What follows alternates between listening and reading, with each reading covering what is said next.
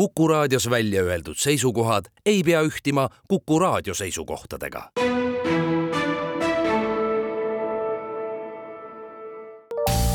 terviseks. saade valmib koostöös Ida-Tallinna Keskhaiglaga. vaata ka itk.ee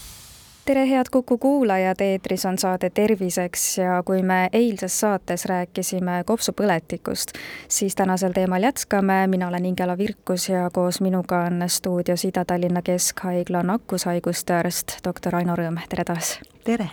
räägime sissejuhatuseks korraks üle, mida kujutab endast siis kopsupõletik, et miks see tekib, kellel selle tekkeks suurem soodumus on,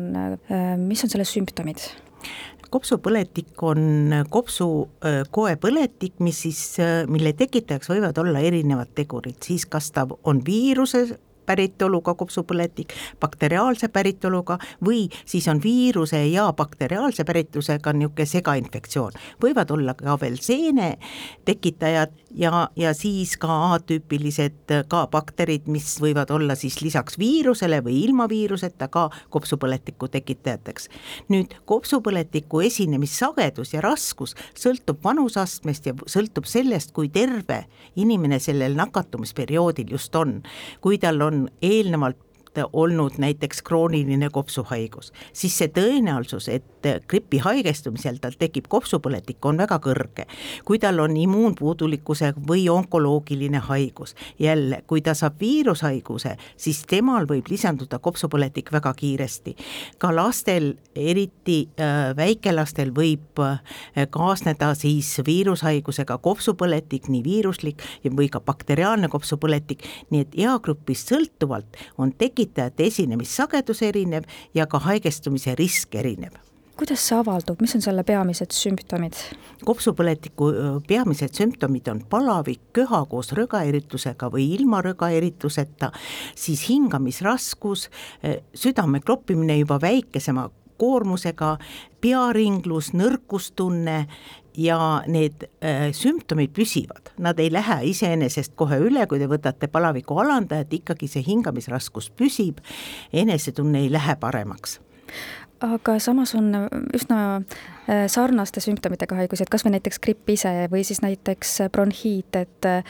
alustame võib-olla siin praegu sellest, et mis hetkel inimene peaks ise tajuma või tundma, et, et see ei lähe kuidagi sellise äh, tavalise klassikalise raviga, mida ta võib-olla on gripi korral proovinud äh,,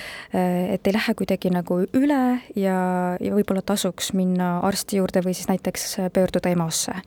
kui palavik ikkagi püsib vaatamata palavikku alandavale ravile, rögaeritus ja köhimine ikkagi jääb püsima, rögaeritus suureneb, siis hingeldus tekib juba väikese sellise koormusega, siis on põhjust juba pöörduda ikkagi arsti poole. kas mingit ajalist perioodi tasub ka jälgida no,, et kui pole paremaks läinud? esimesed kolm päeva ja aga sageli võib ka olla nii, et see hingeldus ja hi õhupuudus tekib nii kiiresti, et tegelikult seda kolmepäevast perioodi ei saagi jälgida, vaid õhku ei jätku, süda klopib, eh, hingamissagedus läheb suureks, juba on põhjust pöörduda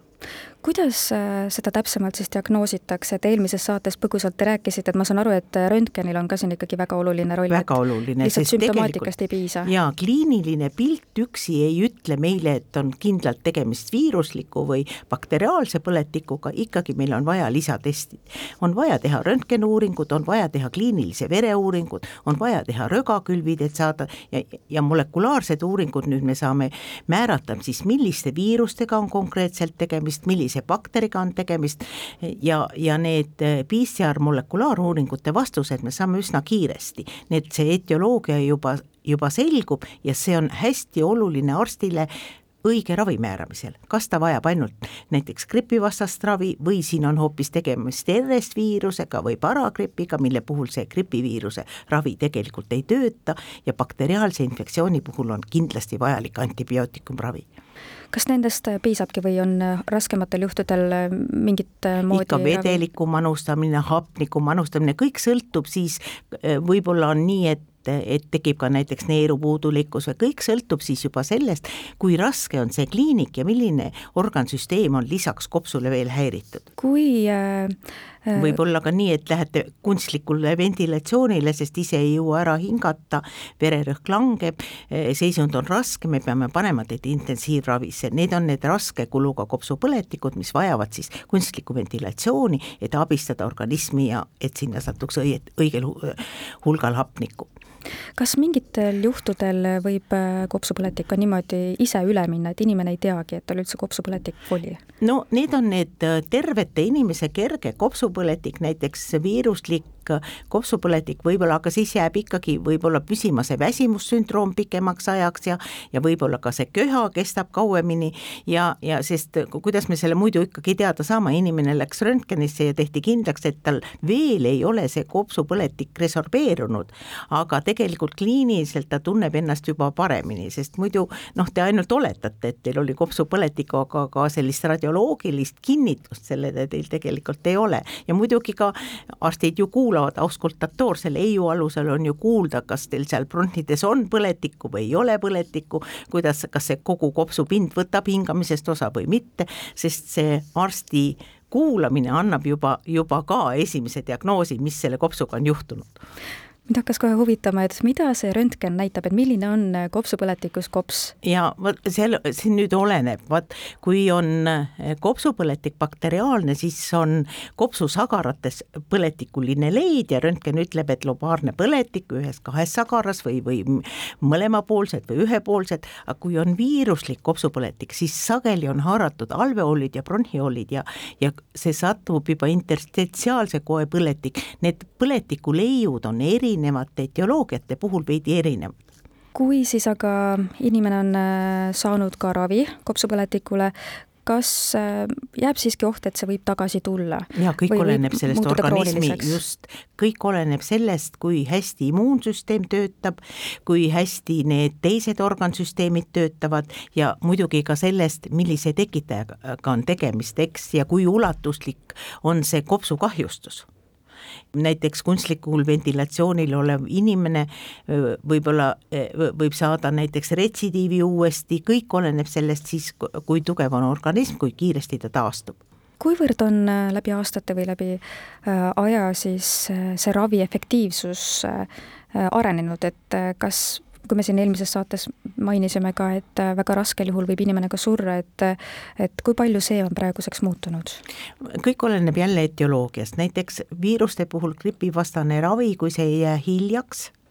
te alustate selle gripivastase raviga õigel aegs-, aegselt, siis see tõenäosus, et viiruspneumoonia teil väga raske välja kujuneb, on väiksem. nüüd bakteriaalse infektsiooni puhul oleneb jälle sellest, milline on tekitaja tundlikkus sellele antibiootikumile, mille te konkreetselt määrate, kui on juba sellel tekitajal kujunenud välja resistentsus teatud antibiootikumi rühmadele, siis see esmane ravivalik ei pruugi olla efektiivne. Ja sellepärast ongi hästi oluline see röga või bronhiaspiraadi külv, et sealt me saame lisaks tekitajale me saame ka teada selle tekitaja tundlikkusele. Ja vot selle tundlikkuse alusel määratud ravi on palju efektiivsem kui see empiiriline ravi, see empiiriline ravi võib ka õieti minna ja paranete hästi, aga kui see nii ei ole ja tekitaja on resistentne, siis see, see tundlikkus abistab meid ravivalikul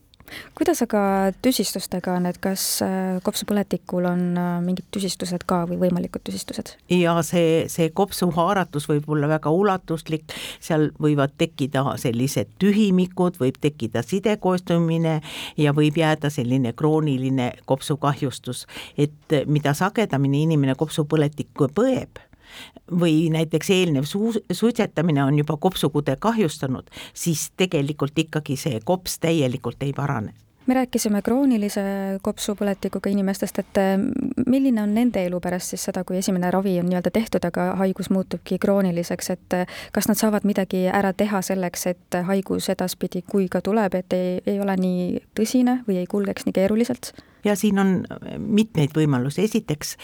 te, neid juba haiglas füsioterapeudid õpetavad hingama, et ventileerida kopsu paremini ja, ja et kopsus ei tekiks liiteid ja kopsu kõik osad võtaks hingamisest osa. teiseks, enne respiratoorsete viiruste haiguste algust, kui tulevad äh, võimalused vaktsineerida hooajalise gripi vastu, siis need kroonilised äh, kopsuhaiged ja, ja vanemad inimesed, ütleme seitsekümmend ja vanemad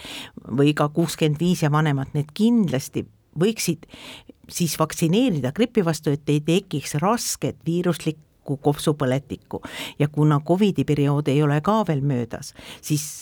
kahjuks Covidi puhul siis see immuunmälu ei ole väga pikk ja selle tõttu see, see kordus vaktsineerimine, kui Covid viirus ikkagi veel äh, ringleb, oleks vanematel ja riskirühma inimestel hädavajalik aitäh teile saatesse tulemast, Ida-Tallinna Keskhaigla nakkushaiguste arst doktor Aino Rõõm ning palju jõudu ja jaksu teile! aitäh!